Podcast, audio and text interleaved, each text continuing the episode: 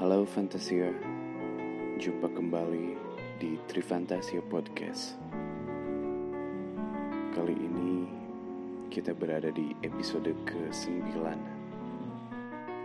Saya sendiri sedang berada di Sidemen, Karangasem, Provinsi Bali, di salah satu pedalaman desa bernama Desa Tebola.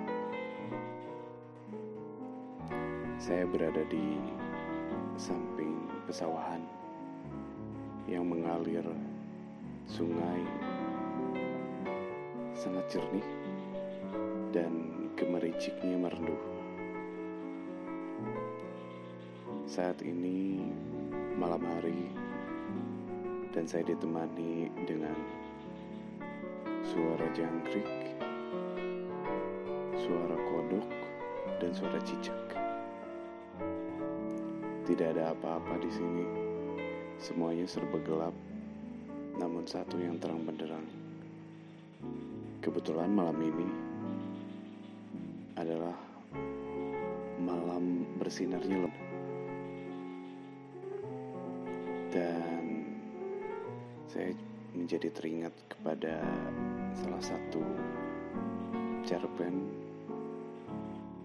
cerpen karya sastrawan besar Indonesia Seno Gumira Aji Dharma yang berjudul Rembulan dalam Cappuccino. Oke. Selamat menikmati sajian cerita pendek dari Trifantasia. Seminggu setelah perceraiannya, perempuan itu memasuki sebuah kafe dan memesan rembulan dalam cappuccino. Ia datang bersama senja dan ia harus menunggu malam tiba untuk mendapatkan pesanannya. Cappuccino dalam lautan gelap datang langsung dari tercemplung cangkir tenggelam sebentar tapi lantas pingpong tapi bukan bola pingpong ini rembulan semua orang berada dalam kafe diam-diam melangkah keluar menengok ke langit ingin membuktikan dengan mata kepala sendiri bahwa terapung-apung cangkir perempuan sebenarnya. Seperti telah pelajari semenjak di sekolah dasar, yakni yang tiada pernah mereka saksikan sisi gelapnya dari rembulan itu memang sudah tidak ada. Mereka bergumam, tapi tidak menjadi gempar, bahkan pura-pura seperti tidak terpengaruh sama sekali.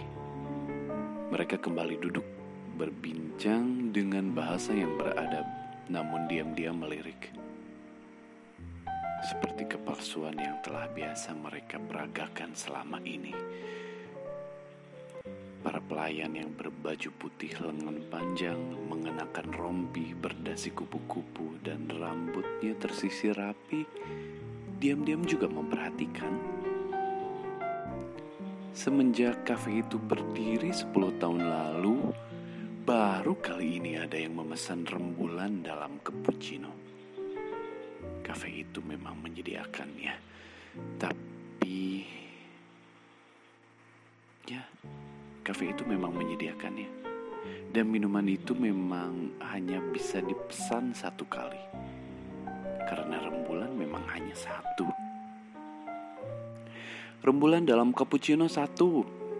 Teriak pelayan ke dapur.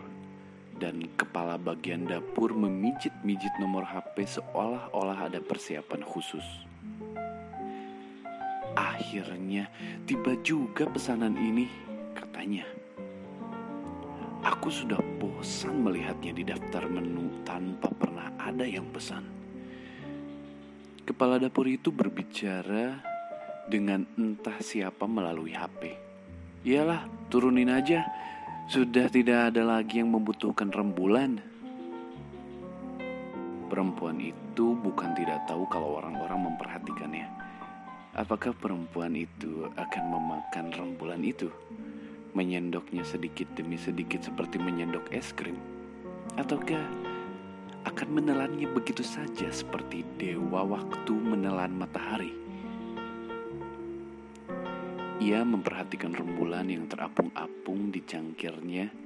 Permukaan cappuccino masih dipenuhi busa putih seperti pemandangan kutub utara, tapi cappuccino itu panas bagaikan masih mendidih.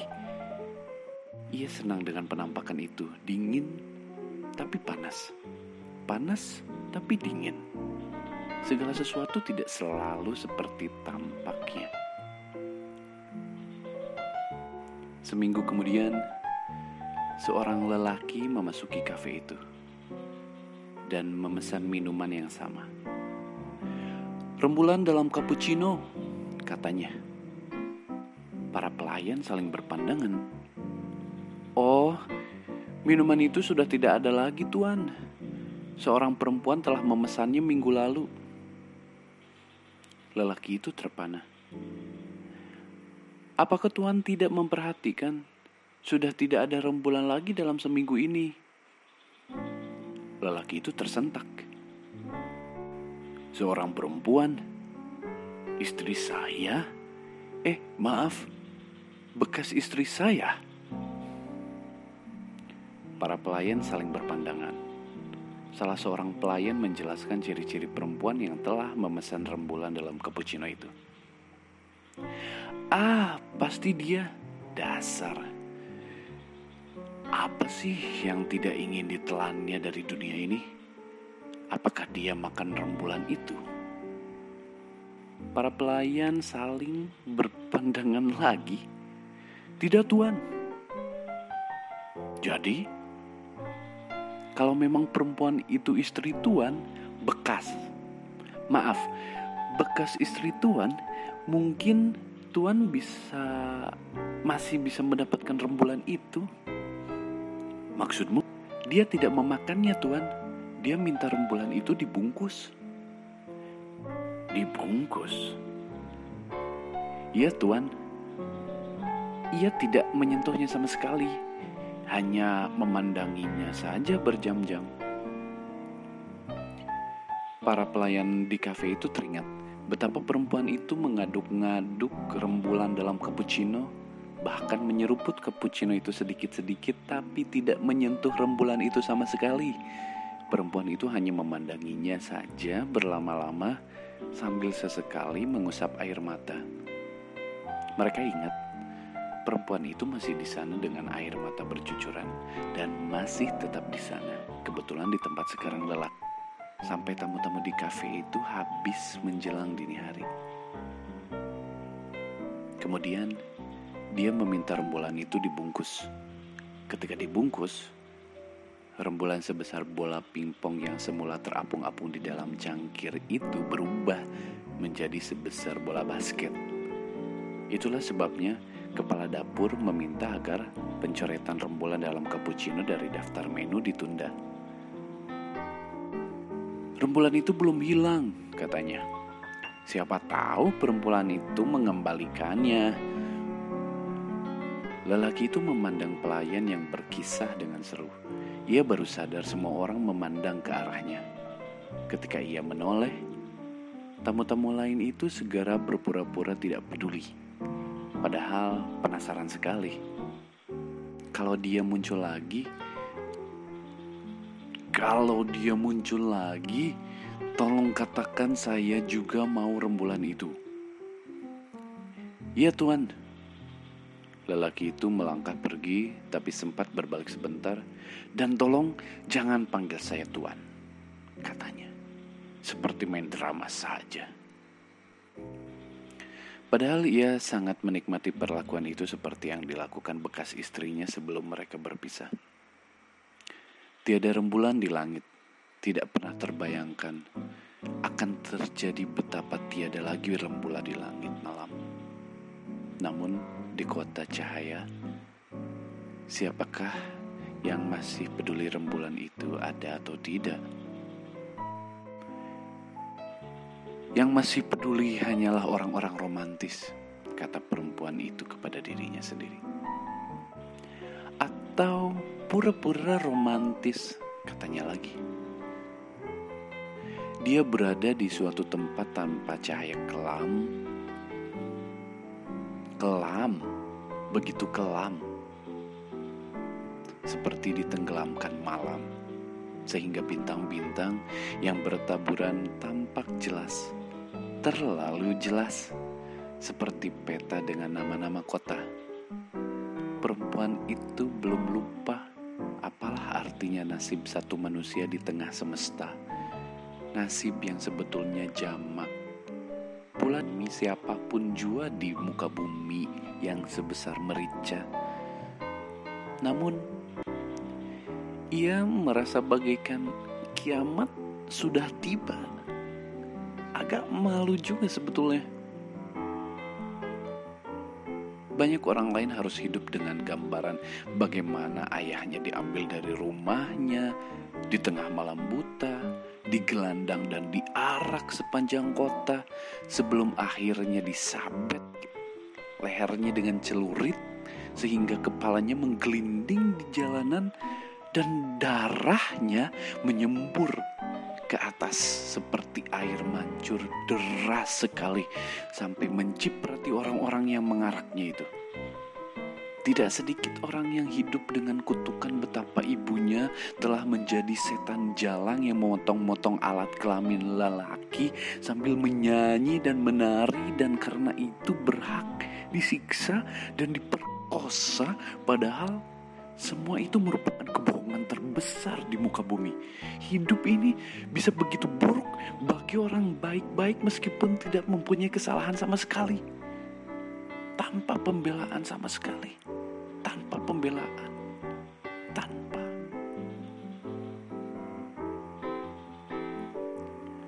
Langit malam tanpa rembulan.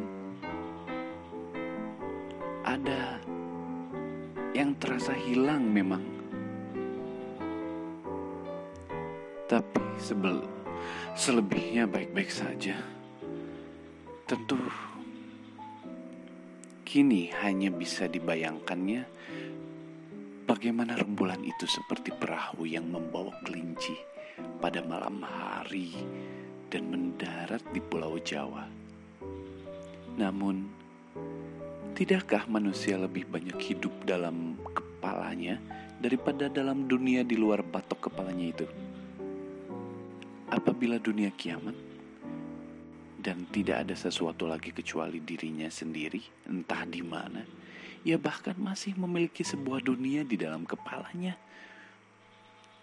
tanpa rembulan di langit ia bisa melihat rembulan seperti perahu membawa kelinci yang mendarat di Pulau Jawa.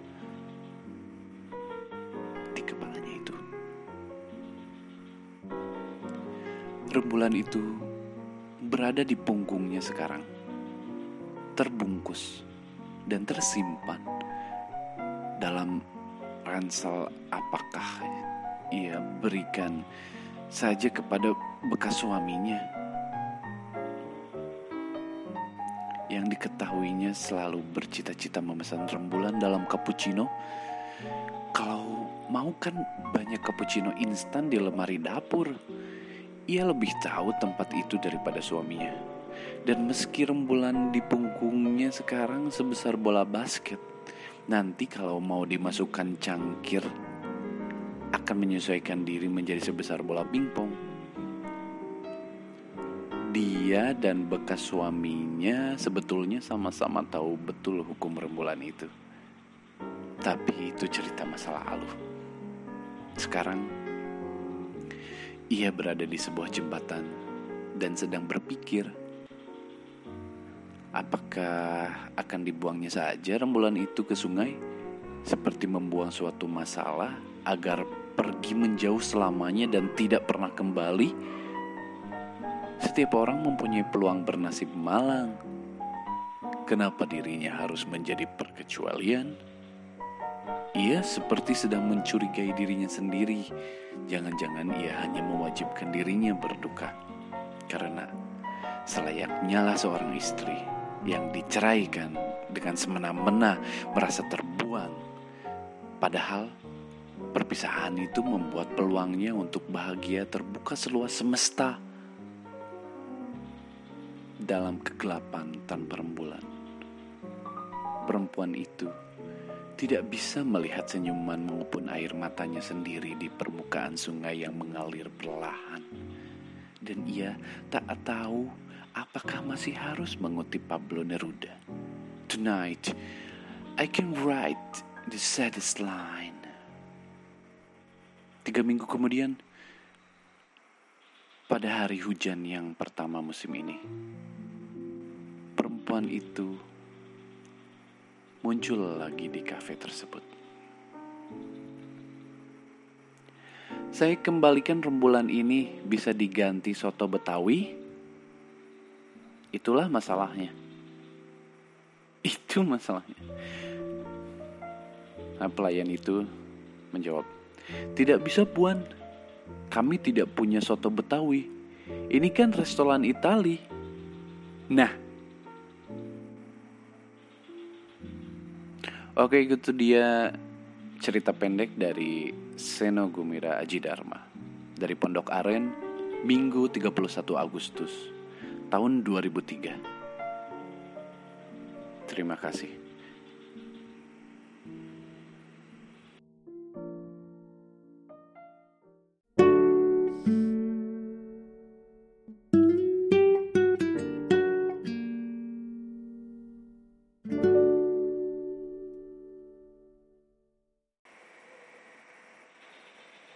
Pada cerpen Rembulan dalam Cappuccino karya Sena Gumira Dharma tersebut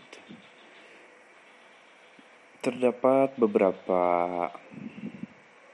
catatan kaki yang mesti kalian ketahui sebelumnya atau sesudahnya. Seperti satu Kopi tradisional Italia. Biasanya untuk sarapan, kopi espresso yang dibubuhi susu panas dan buih. Sering juga ditaburi coklat dalam seduhan air panas 80 derajat Celcius. Dihidangkan dengan cangkir.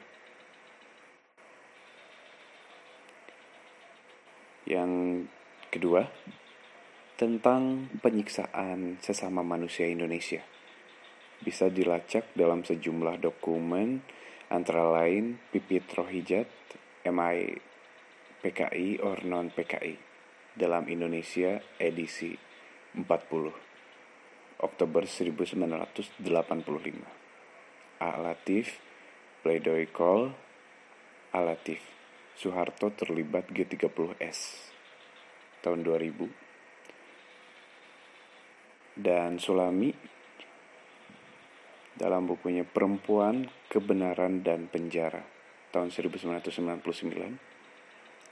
Sujina dalam Terempas Gelombang Pasang tahun 2003. Dan tentu saja Pramudia Anantatur Nyanyi Tunggal Seorang Bisu tahun 1995. Beberapa karya-karya sastra yang ada kaitannya dengan cerpen Sena Gumela Aji Dharma ini. Yang ketiga, dari Sumana Santaka, karya Empu Monaguna, sekitar tahun 1204.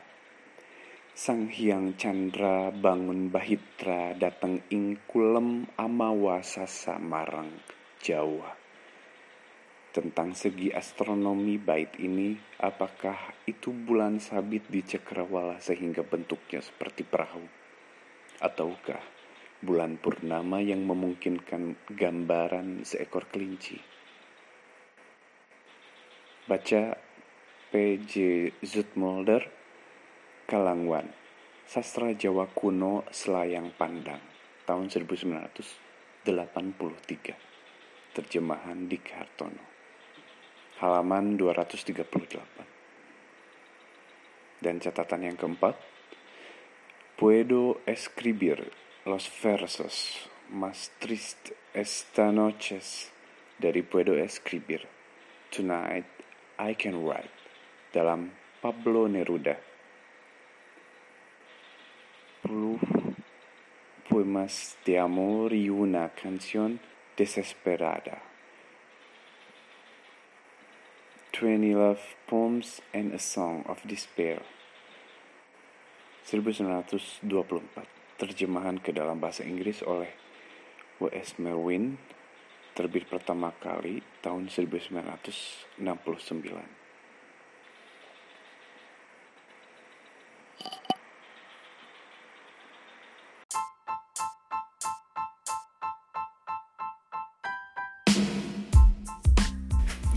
Thank you for listening to this podcast, and I hope you continue listening to the next episode.